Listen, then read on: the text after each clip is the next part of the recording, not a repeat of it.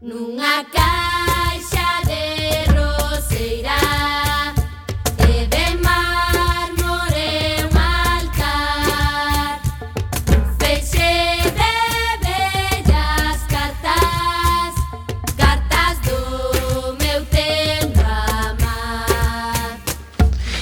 Ola, que tal? Recendeiros e recendeiras, benvidas e benvidos a este espazo radiofónico semanal dedicado á cultura que facemos en rigoroso directo todos os martes ás 7 da tarde aquí en Cuac FM no 103.4, a Radio Comunitaria da Coruña.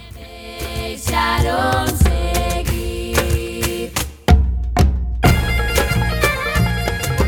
A Agrupación Cultural Alexandre Bóveda presenta este programa que podedes escoitar en directo a través da internet na páxina da emisora coacfm.org barra directo e tamén na aplicación móvil. Se non chegastes a tempo, non tedes excusa. Podedes descargar todos os programas xa emitidos en Radioco, o mega podcast da nosa emisora, ou tamén podedes escoitalo na redifusión, que será os mércores ás 8 da mañá, os venres ás 6 da tarde e na madrugada do domingo ao luns ás 12 da noite. E a partir de agora seguídenos nas redes sociais tanto deste programa recendo como da propia agrupación cultural Alexandre Bóveda, que ten abertos os seus canais en Instagram, Twitter e Facebook ou na web www.acalexandrebóveda.gal. Buenas no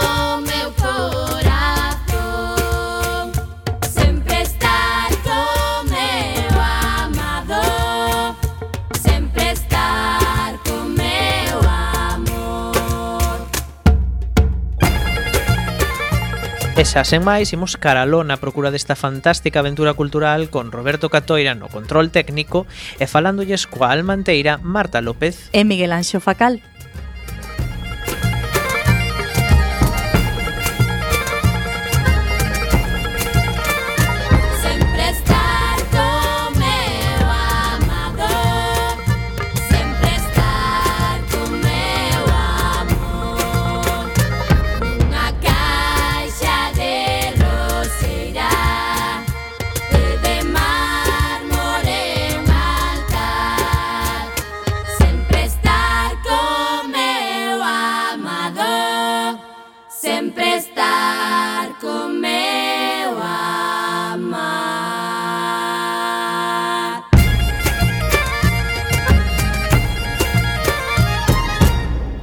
Chegamos ao programa número 338. Hoxe estará connosco Teresa Romero, mariscadora e poeta. Teremos tamén a sección de teatro despois de moitos anos sin ela. Debuta como corresponsal Manuel Xestoso da revista Galego de Teatro. Falaremos das actividades da nosa agrupación e das outras cousas que se fan na Coruña e na Galiza e que tamén son cultura.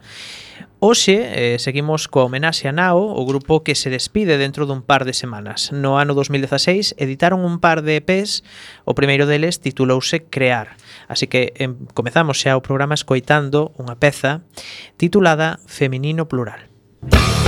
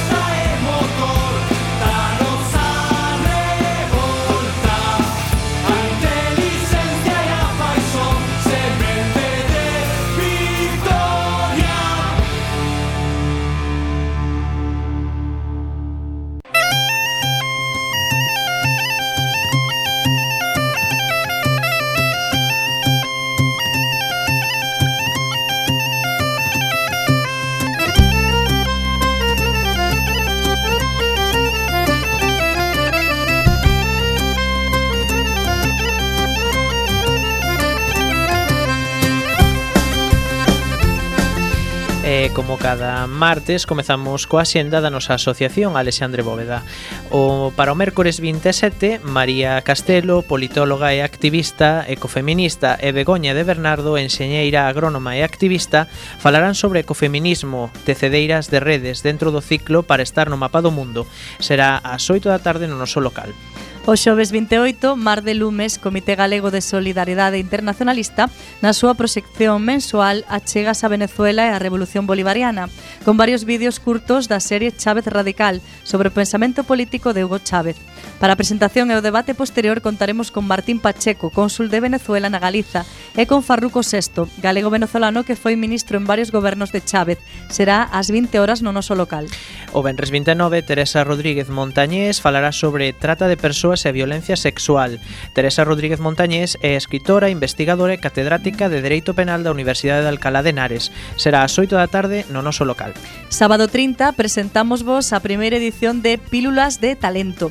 Nove persoas moi singulares e diferentes para nun tempo moi curto, uns 15 minutos, contar unha experiencia, un saber, un desexo. A actividade é de balde, máis é necesario que te inscribas a través do formulario na web. Non esperes moito, que logo non nos quedan prazas. Podredes ver a Soñar en galego con Manel Cráneo, o outro lado do poema con Lucía Aldao, un do un do 2019, un antes e un despois con Alba Rodríguez Carrera, a desaparición da noite con Martín Pauli, Dignidade, solidaridade e Humildade con Garchu de EZRAE, EZR, perdón, eh, de Mareas Vivas e Mareas Negras con Marcos Nine, El Gallego Mola Mazo con Afra Torrado, A min non me preguntes, eu sou vin revolar con Aquele e Bogando na Maruxía con este oficio con Isabel Risco. Será o sábado 30 de novembro desde as 11 a 1 e media da mañá, máis ou menos, no noso local.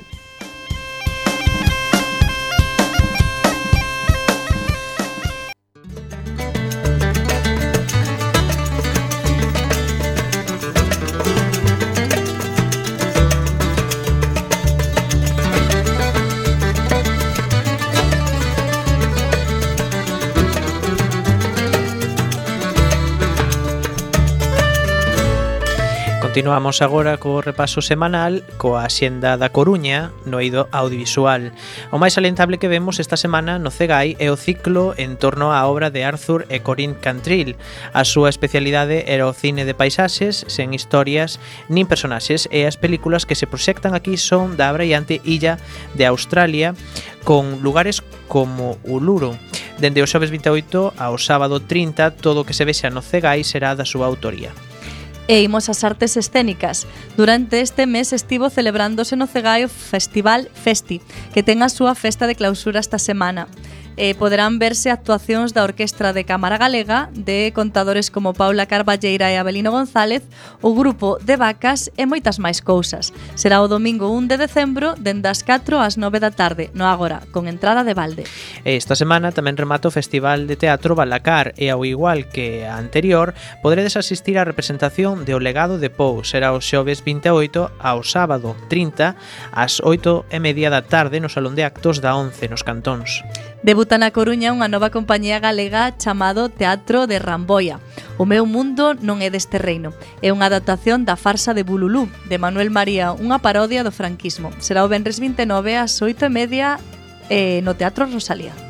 En canto á música, esta semana tamén remato o 15º ciclo de coros galegos históricos e novos organizado por Cantigas da Terra. Nesta ocasión actúan os coros Toros, Toxos e Flores, grupo de baile e gaitas Santaia e o coro Cantigas da Terra. Será o domingo 1 de decembro ás 7 da tarde no Teatro Rosalía. Visítanos tamén un exitoso grupo galego que triunfa en todo o estado, Novedades Carmiña. Están na xira de presentación do seu cuarto disco titulado Campións do Mundo. Poderedes soltar, saltar con eles o sábado 30 ás 22.30 horas na sala Inclap. E volta de novo a Española Film Symphony Orquestra. Esta vez soará a banda sonora de películas como Avengers, Interstellar, Han Solo, Unha aventura de Star Wars, Willow, Aladdin, Amelie, Jurassic World, Regreso ao futuro, Piratas do do Caribe, O Bo, O Feo e o Malo, etc.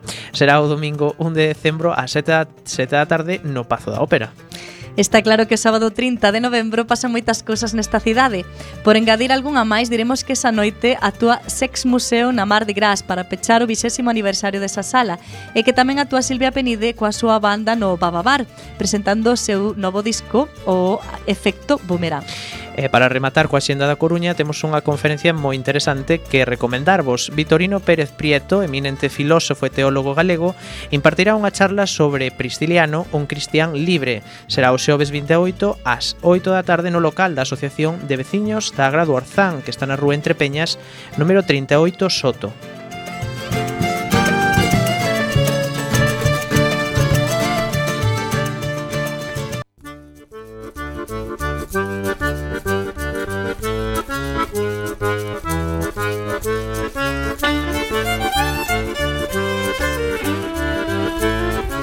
E a quenda agora da Xenda de Galiza. Empezamos como sempre por Lugo.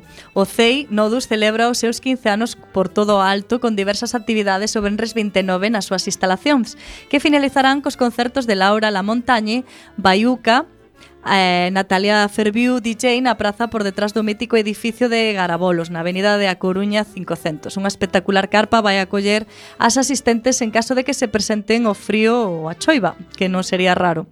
A entrada é gratuita e os concertos teñen hora de comenzo ás 20.30.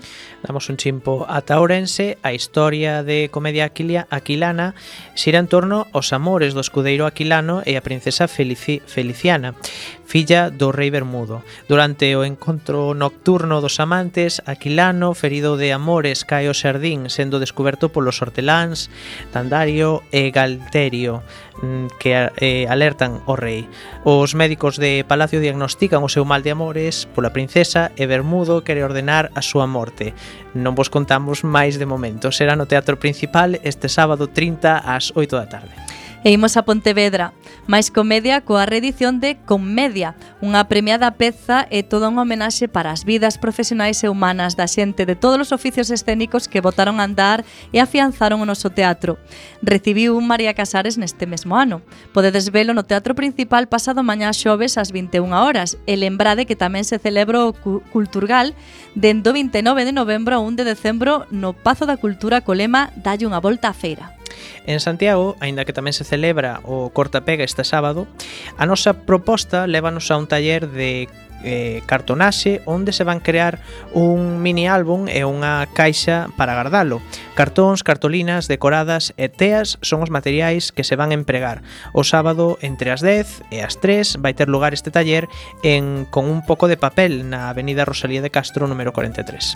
E imos a Vigo. O sábado 30 arranca Dinosauros Tour, considerada a maior exposición itinerante de dinosaurios animatrónicos formada por unha trintena de pezas inéditas e ata tamaño real, onde moitas delas simularán os comportamentos deses, deses animais prehistóricos. Dentro da exposición podes encontrar triceratops, protoceratops, para Saurolopus, Diplodocus e o famoso Tiranosaurio Rex, entre outros, sen esquecer o aspecto pedagóxico. Poderedes vela no IFEBI, xunto ao aeroporto. En Ferrol destacamos O Lobo e a Lúa, de Baobab Teatro, que é unha peza teatral tenra, divertida e intrigante eh, onde os seus personaxes conviven a pesar das súas diferenzas. Un espectáculo que transcorre sempre de noite á luz da lúa. Esta historia de amizade está recomendada para menores de eh, 8 anos E se representa o domingo 1 de decembro na Capela Torrente Ballester ás 12 do mediodía. E hoxe, como vila convidada, imos a Brión. Aquí atopamos un espectáculo de teatro Gazafellos, no marco do programa de dinamización lingüística e de prevención da violencia de xénero, Nos contra a violencia.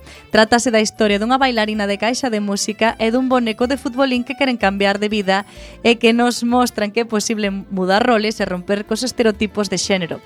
Iriña Bailarina, o sábado 30 ás 12 da mañá estará na sala de exposicións da Casa da Cultura.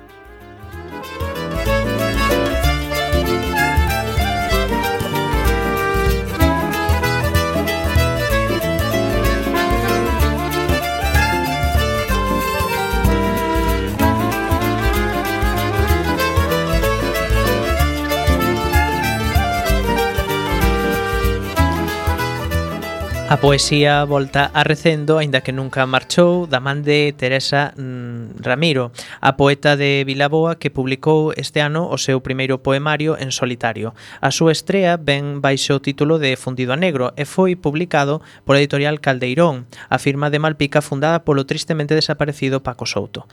Paco era un home moi vencellado a mar, de feito era percebeiro de profesión, polo que resultou moi apropiado que a editorial que fundou publique o poemario de Teresa Ramiro que e mariscadora na Ría do Burgo.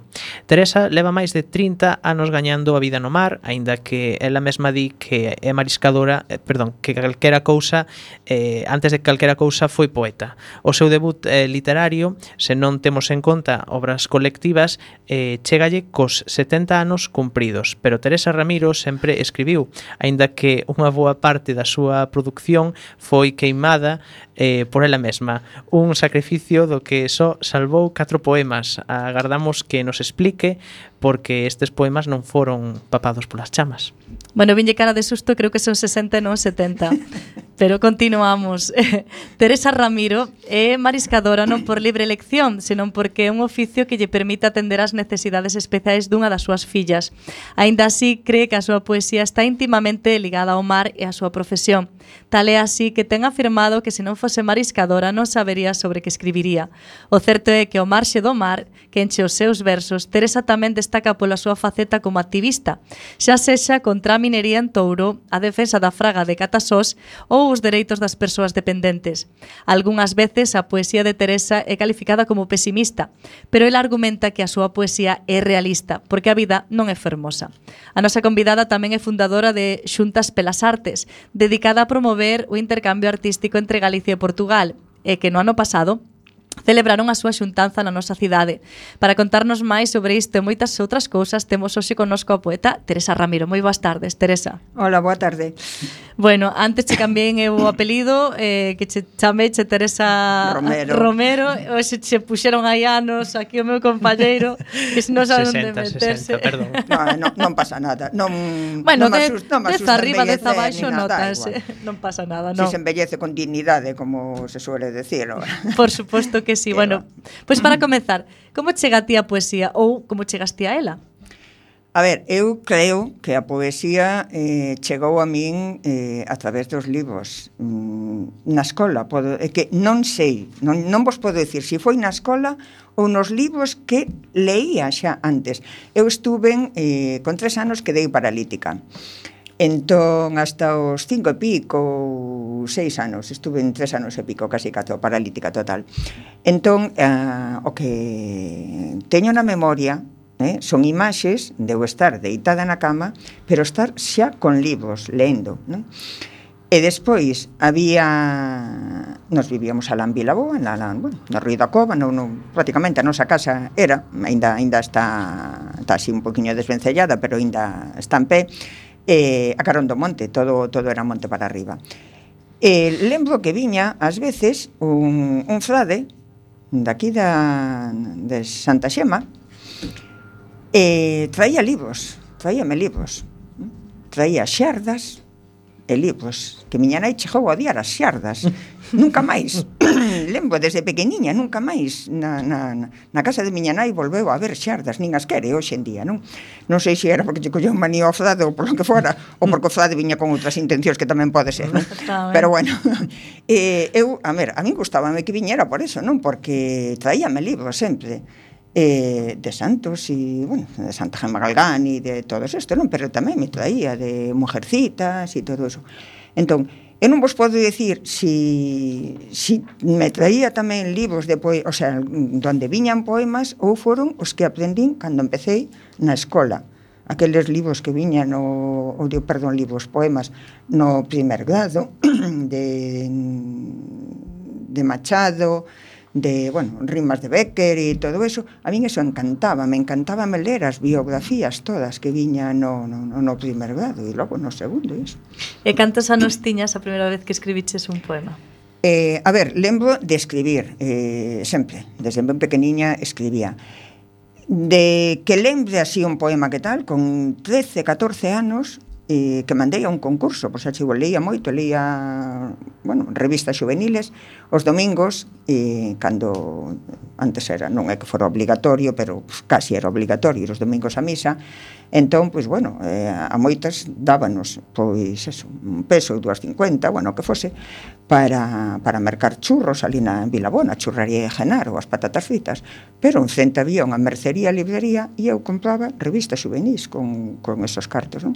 Entón, eh, aí con 13, 14 anos, 13 anos creo que tiña, eh, presenteime a un concurso que había nesa revista, eh, era en Valencia, e gañei o, o primer premio, pagarme, derme 50 pesetas daquela. Mm. hai, hai 50 anos casi, eh? Entón, non estaba sí, mal daquela. Non, para nada.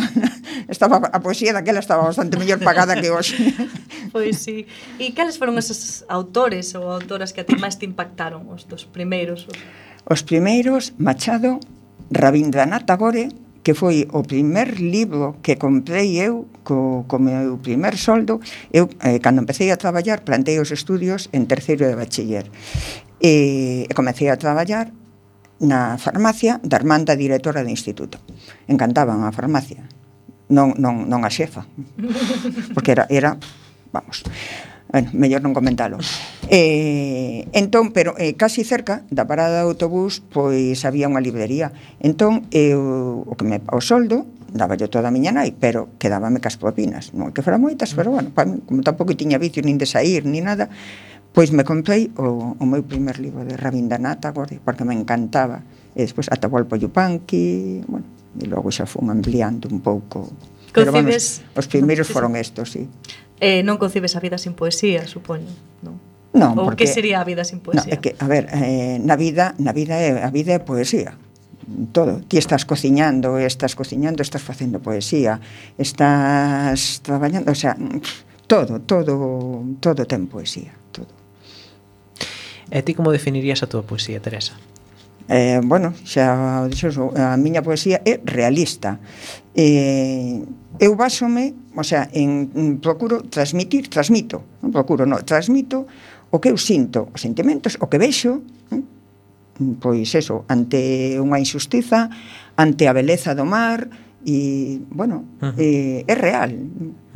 A actualidade, porta, oh, eh, perdón, a, a inspiración venche quizáis da actualidade, da vida diaria, da... De, de, de momentos, de persoas, de... Sí. Uh -huh. E o feito de ser mariscadora marca a túa poesía? Non, non exactamente, no marca. Que pasa? Que traballar no mar eh, é un relax, é desconexión. Entón, a ver, cando moitas veces decimos, ah, está desando que chego o fin de semana para descansar ou irme por aí, pois un se vai a facer footing, outros a montaña para desconectar. Mm. No mar, aínda que non queiras, desconecta xa, estás traballando, é un traballo moi duro, nunhas condicións moi duras, pero ao mesmo tempo eh, respiras o iodo, o salitre, a amplitud do mar, o, o pisar na area, ese, ese pequeniño murmurio que fai, iso mm, relaxa moitísimo. Dirías logo que o gremio das mariscadoras é moi poético. É o gremio das mariscadoras é moi complicado.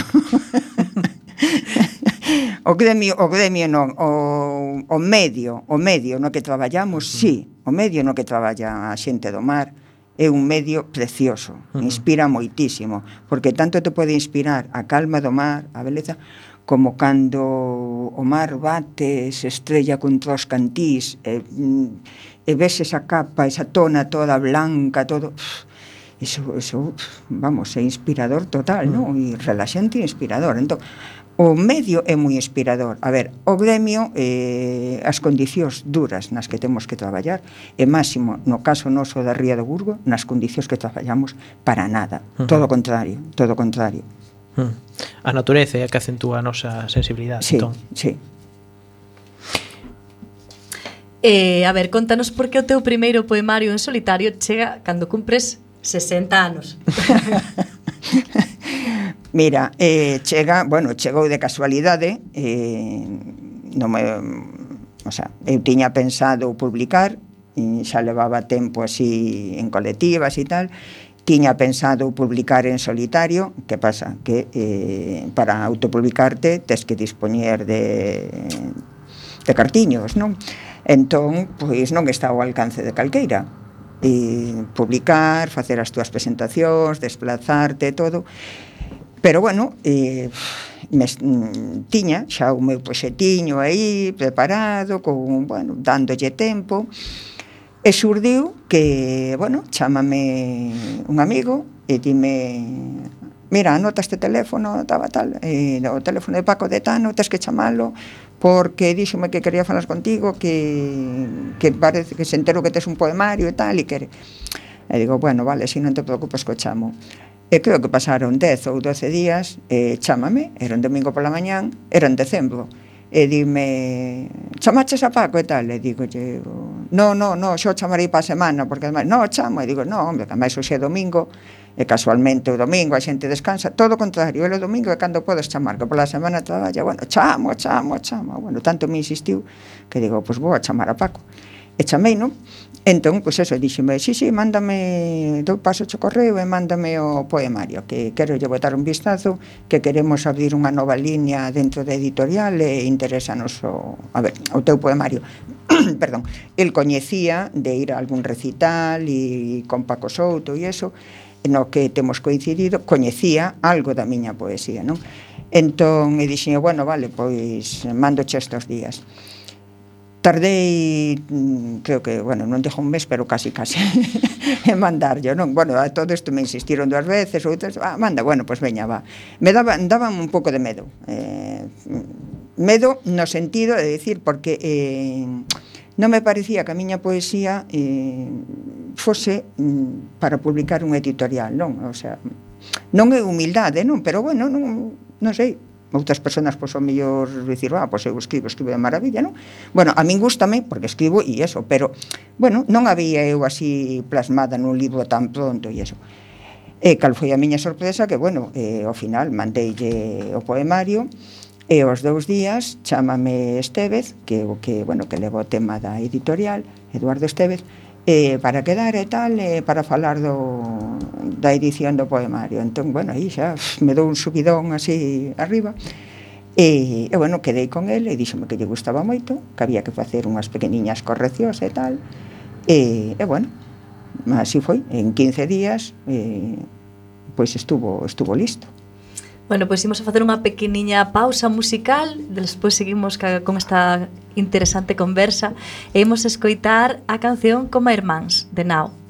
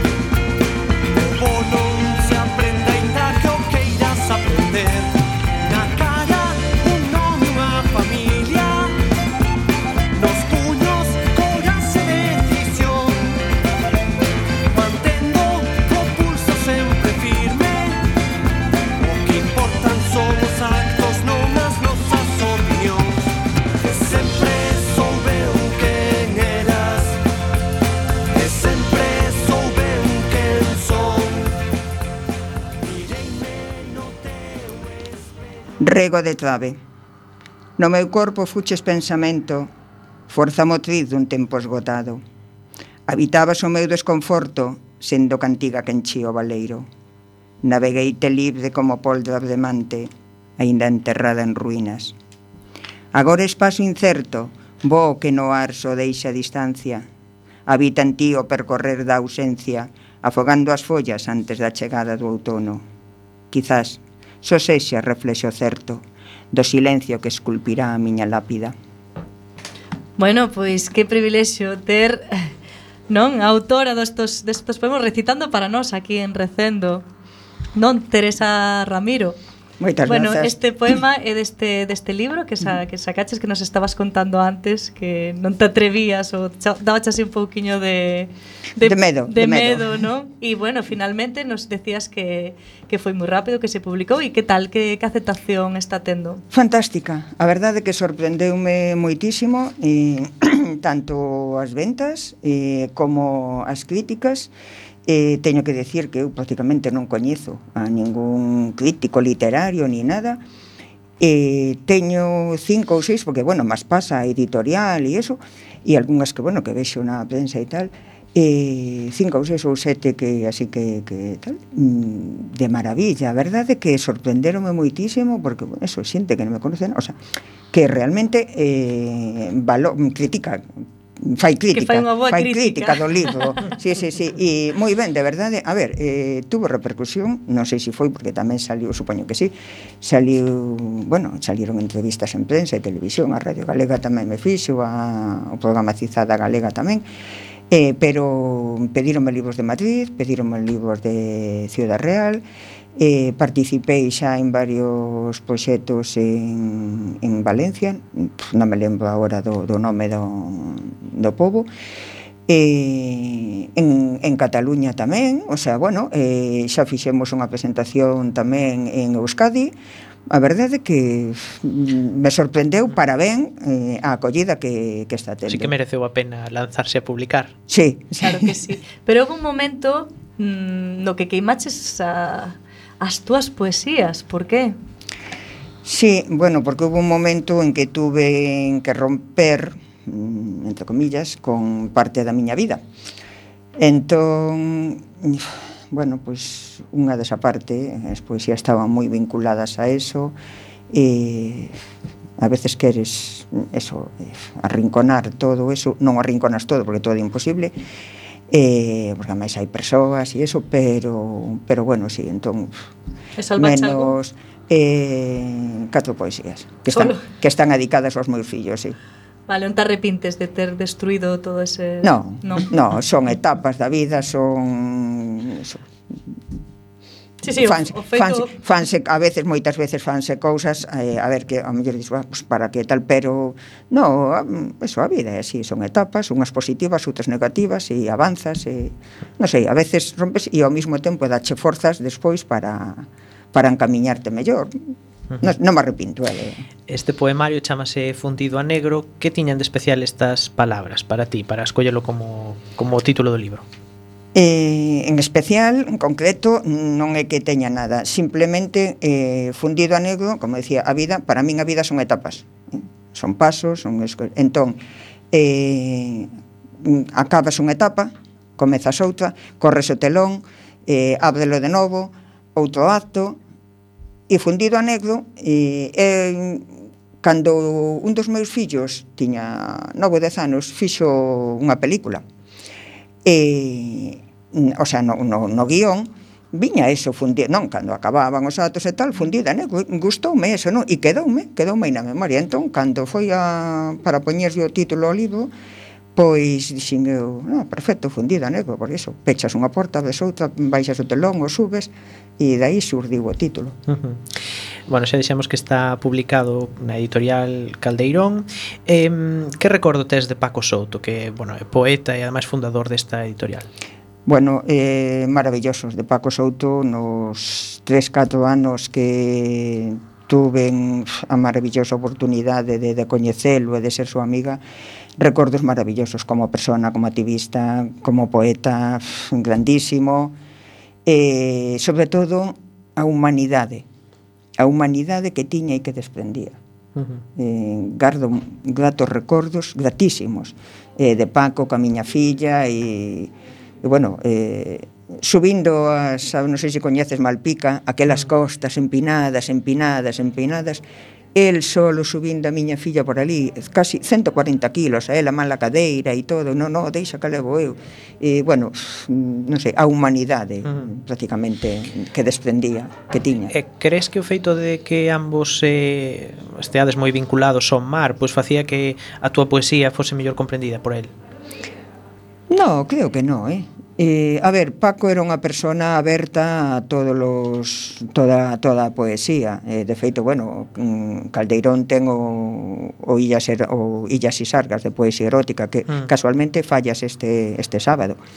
E logo, aparte, as outras coleccións, pero non están todas vinculadas mm. ao mar. Uh. Bueno, se non foses mariscadora, que che gustaría ter sido?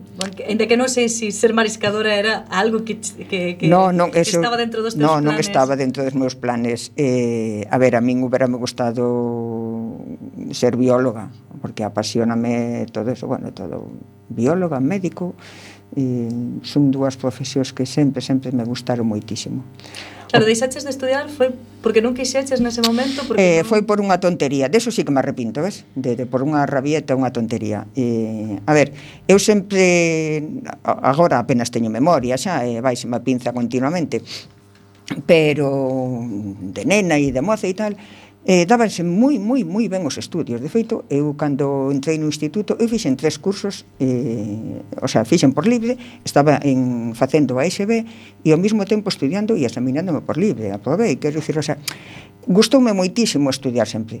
Miñas amigas iban ao baile, iban ao cine, eu me quedaba na casa ou lendo ou estudiando. Entón, fixen os exámenes para acceso á universidade por libre, aprobeinos, e eh, unha beca pero mandábame á Universidade de Cáceres. Entón miña nai dixo que claro que era moi lonxe e que non que non, non, me, non me deixaba ir alá.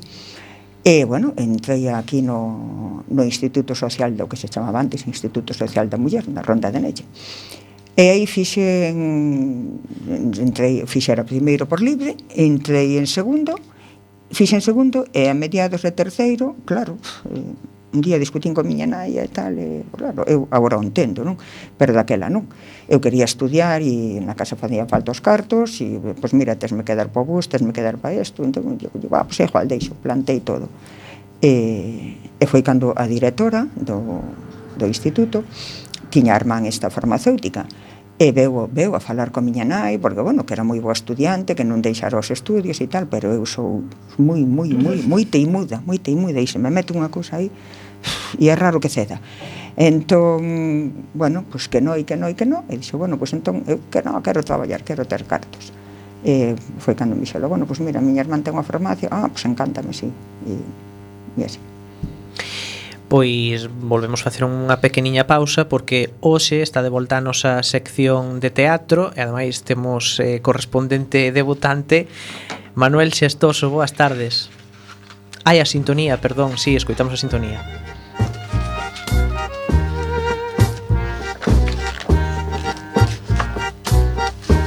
que se non... todos a verbena de onde nunca pasa nada E paguen tamén a orquestra que ameniza o panorama que se non enfadase noso técnico de son. Manuel Xestoso, boas tardes. Que tal, boa tarde.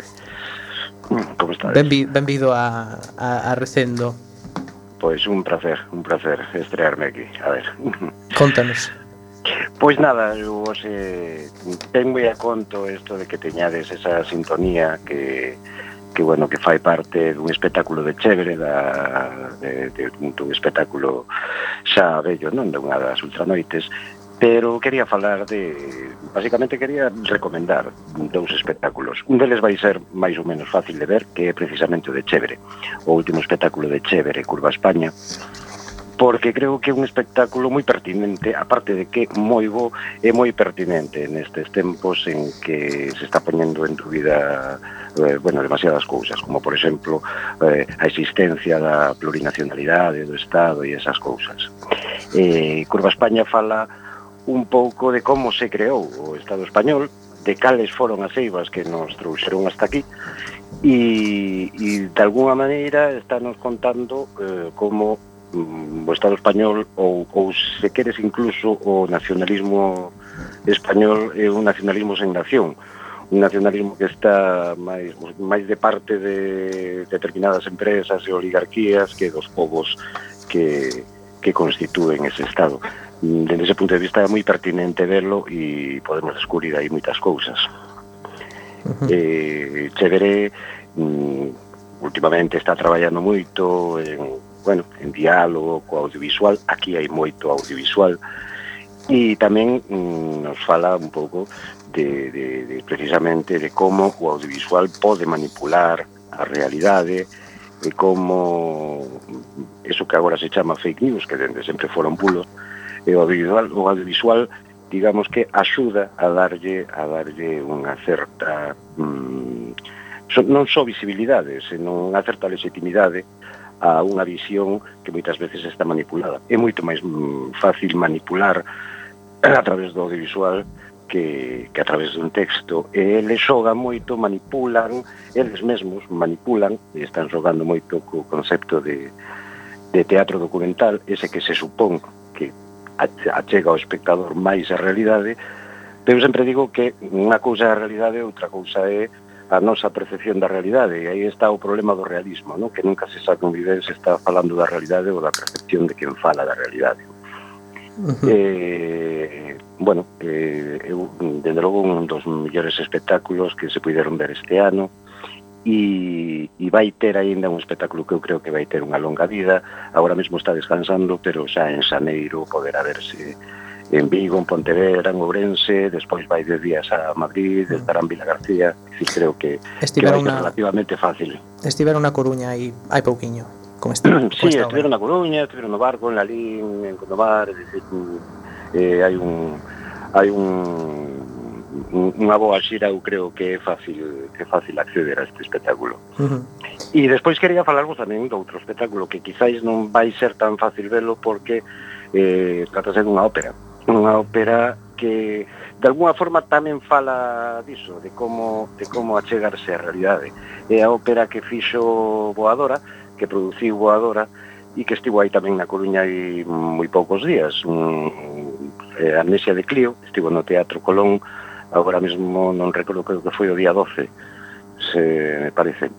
E, e bueno, aí mm, quizáis non sexa tan fácil volver, volver velo porque porque, bueno, un espectáculo, unha ópera sempre máis difícil movela, é máis complicado. Eu sei que hai por aí conversas e que, que, que algún bolo máis vai ter, pero mm, a mesa de Clio, sobre todo, é un pelotazo de autoestima para, para os galegos, porque Boadora logrou eh, consultar toda unha serie de talentos dende o músico Fernando Buide o compositor que fai unha partitura de primeira clase eh, Fernando Epelde, o autor do libreto que é un autor teatral, ademais de músico é un autor teatral que eu creo que está en moi bom momento. Marta Pazos, a directora eh, Paul Daniels, o director, de, o director musical eh, fan, fan un papel realmente excelente. E E aquí digamos que eh, é un espectáculo completamente diferente, aínda que fala de cousas semellantes, semellantes porque é un espectáculo moi alegórico, que traballa moito co simbólico, e que parte de unha anécdota mm, real e un pouco, mm, non sei se decir graciosa ou casi, eh, non sei, paródica, que esa noticia que saiu hai pouco de que eh, George Bush eh, agora dedicaba a pintura. E estaba retratando eh, caras, rostros de veteranos de, da guerra de Irak, dunha guerra que el mesmo provocou. E mm, el declaraba que quería capturar o sentido de, de toda esa dor. Entón, eles a partir de aí acaban mm, basicamente o libreto de, de Pelde crea toda unha alegoría de como o mundo da arte e o mundo do poder se van achegando o un ao outro, cales son as relaciones, cal é a relación entre a historia e o relato que a conta e ademais ten unha componente tamén moi de actualidade que é como o feminismo eh, o discurso de, de xénero é un, un instrumento, unha especie de cabalo de Troia que pode utilizarse para, para mellorar o mundo. Moi ben, Manuel, pois moitas eh, moitas grazas, benvido de novo a Recendo, escoitámonos na próxima sección oh. de teatro. Un placer. Ah, no, igual. Ah, Ate outra. Ate ah, outra, chao. Como ondas derrotadas, percorre as arterias solpores e invernías. Na beiramar do tempo, o frío e o vento da pasaxe foron quebrándome en silencio os osos. Un ronsel de lúas e mares baixas deixaron en min vestixios de artrose reuma. Na luzada, doblo no areal para abrir en sucos o mar na procura das ameixas. Teño as mans cinzadas de fisguas, a pel de area e fango. No remate da maré, aniñada no corazón queda a saudade dun futuro nesta malferida ría. Pois outra vez Teresa Ramiro recitándonos este como se chamaba este poema? Fendas de Salitre. Bueno, precioso e ademais eh, moi moi ben recitado, con esa voz profunda que tes. Eh, Contaros tamén un pouco, antes nos dixeche que traballar como mariscadora que tiña unha parte así como moi romántica, non? Bueno, ou de poesía, pero a parte dura, que é o peor de ir a mariscar todos os días? A ver, o peor é no medio no que traballas, non? Na auga, o frío, a humidade, porque vais eche metendo eh, baixo a pel, nos osos. No, isto en outono, inverno, bueno, no verano, eh, o calor horrible, porque claro, estar doblada 4, 4 horas e media a 20 e tantos grados eh, ou a veces 30, doblada traballando, cachando, cachando, sudas mm, e eh, queimaste, entonces bueno, e no inverno, se si chove moito, tes que ir toda parapetada con traxe de augas, cas botas, non te revolves, ca forquita, uf, prendeche todo, a auga caiche pola cara, porque claro, tes que levar un jorro, des, caiche, uf, mm, incomodísimo e despois eso que vaiche pasando factura eh, toda esa humidade, toda esa, esa artrose. Os osos. Os osos. Mm. As miñas vértebras, os meus discos que están esparramados. Eh, mira, nunha entrevista atopamos unha cita que na que dicías que a túa poesía era realista e que a vida non é fermosa. Non atopas na alegría ou na beleza material para compoñer uns versos? A ver, non é que a vida non sea fermosa, a vida si sí é fermosa, eh? eh eu referíame en esa entrevista en concreto mm, porque mm, sempre se tende a reflexar o bonito. Mm? Oxe chove, ventea, Si, claro, é máis bonito cando fai sol, pero o día de hoxe tamén é moi bonito. Eu estou aquí e para min é un día maravilloso, non? Mm. Por poder estar aquí con vos e compartir mm. cos, cos ointes. Entonces, eh, non sei nada dos demais, pero mayoritariamente e polo que polo que vexo, en xeral, a vida é bastante dura, con moitas complicacións, entón eh, saliéntase máis mm, a beleza. No, no meu caso no, eu prefiero pois eso. Non, non me sale tampouco eh, facer un poema e decir estou sentada frente ao mar eh, contemplando os teus ollos. Eh, non, de verdade. Entón, mm, non, é imposible, prefiro, o se prefiro, no, eh, pago esta, eh, realista, máis ben. Ah. Uh -huh. Eh, consideras que hai que pasalo mal para ser eh, poeta de verdade? Non, oh, que va, para nada. no, no, no espero, espero que ninguén o teña que pasar mal, que pasa que, a ver, se o pasas mal, eh, sintes as cousas de outra maneira, non? A ti se che doi un brazo, podes transmitir mellor o dolor que a min que non me doi nada, non? entonces transmites as cousas, cando as sintes máis profundas, transmítelas, pero non que haxe que pasalo mal, non, non, para nada. Eh, fundido a negro terá continuación? Eh, fundido a negro, a ver, eh, no, fundido a negro no, eh, non terá continuación, porque, como dixen ao principio, eh, a vida está feita de etapas. Esta é unha etapa que pecharase agora prontiño, Eh, espero, teño agora un par de, de presentacións, mm, agora aí en decembro, espero pechar isto, presentacións de fundidos e iso, e retomar un proxecto que teño ancorado aí dende hai un ah, ano pues, e algo. Ah, ese proxecto queremos que nos fales un pouquiño, eh, a ver. Bueno, pero moi pouco, moi pouquiño. Eres supersticiosa, non queres avanzar? No, no, nada, nada. No, non sou, non sou supersticiosa. Eu paso por debaixo das escaleiras cando está paso a propósito. Son, son moi retorcida, como le dixen antes. Eu ando sempre levando a contraria.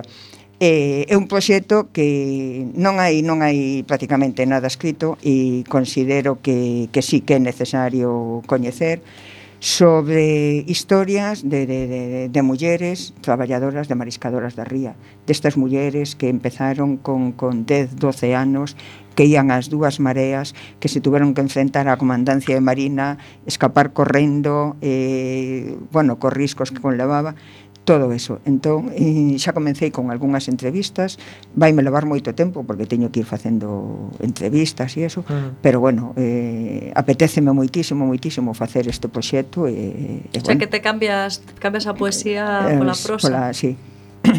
Bueno, estás, nos contachantes un pouquiño de que estabas moi entusiasmada con este proxecto, verdad? Sí, a verdade que sí, que quero, quero, quero seguir con el, teño aí estancado, pero quero agora acabar eso, comezar o ano e acabar isto que dixen as presentacións de fundido e mm, continuar con eso e, bueno, a ver se si agora no 2020 a finais pode estar listo. Bueno, o pano que ven entonces. Eh, falando un pouco do, así dos, dos poetas poetas galegos e galegas, nos recomendastes algún así para recomendarnos ou non queres mollarte? No, porque hai, es... hai moitas, moitas. Hai moitas poetas galegas moi valiosas de antes e pero sobre todo de agora.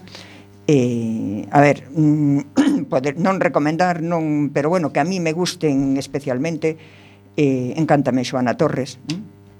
pero Marta da Costa, Estíbaliz Espinosa, pero quedaríame, se si vos teño que recomendar, eh, María Castelo, que é unha rapaza que a primeira vez que viñen eu aquí a Cuac FM, eh, trouxome ela, eh, sí, para facer un programa de radio, unhas entrevistas tamén, María Castelo, que ten unha poesía lindísima, lindísima, moi profunda, eh, Laura Pasandín, que aínda que o libro que ten publicado As mans da terra eh, narrativa, recomendo ler ese libro eh, pero a, a xóvenes, a maiores, a todo, é preciosísimo.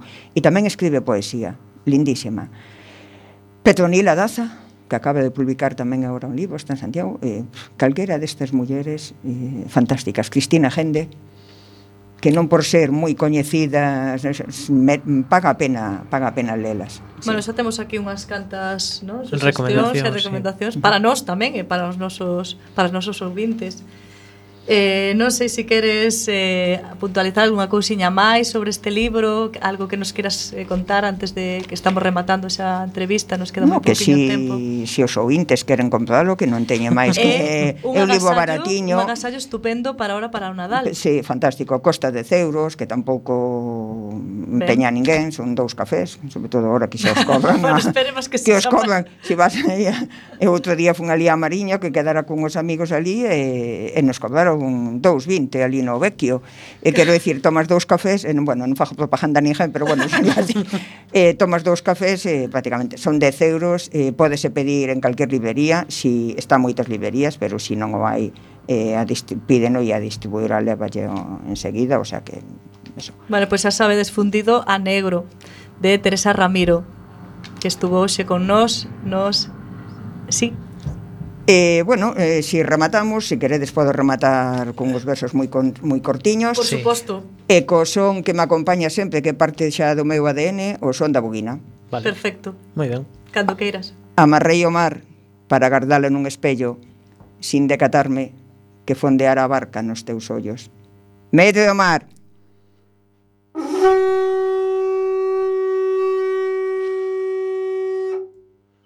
Bueno. Que ben soa iso. Fantástico. Moitas grazas. Moitas grazas a ti por estar hoxe connosco, foi un placer. E sen tempo para máis odiseas imos chegando a fin do camiño deste recendo Despedimos o programa de hoxe agradecendo aos nosos convidados que como sempre son de honra Hoxe estivo connosco Teresa eh, Romero e eh, o, na sección de teatro tivemos a Manuel Xestoso E agradecendo a semente pedra angular de todo o noso comando e equipo de producción formado por Javier Pereira, Gemma Millán, Manu Castiñera e Roberto Catoira. E aquí estivemos Roberto Catoira nos controis e coa lentón no micrófono Miguel Anxo Facal e Marta López e acompañándote neste recendo de palabras e imaxes radiofónicas que nos traen este aroma cantado na nosa lingua e que nos permite hoxe e tamén no futuro a permanencia da palabra, da música e da implicación e o compromiso coa nosa nación, a Galiza. Ate o vendeiro martes a 7 da tarde en directo nesta emisora Coac FM da Coruña, xa sabedes, recendo as mil primaveras que terá o noso idioma.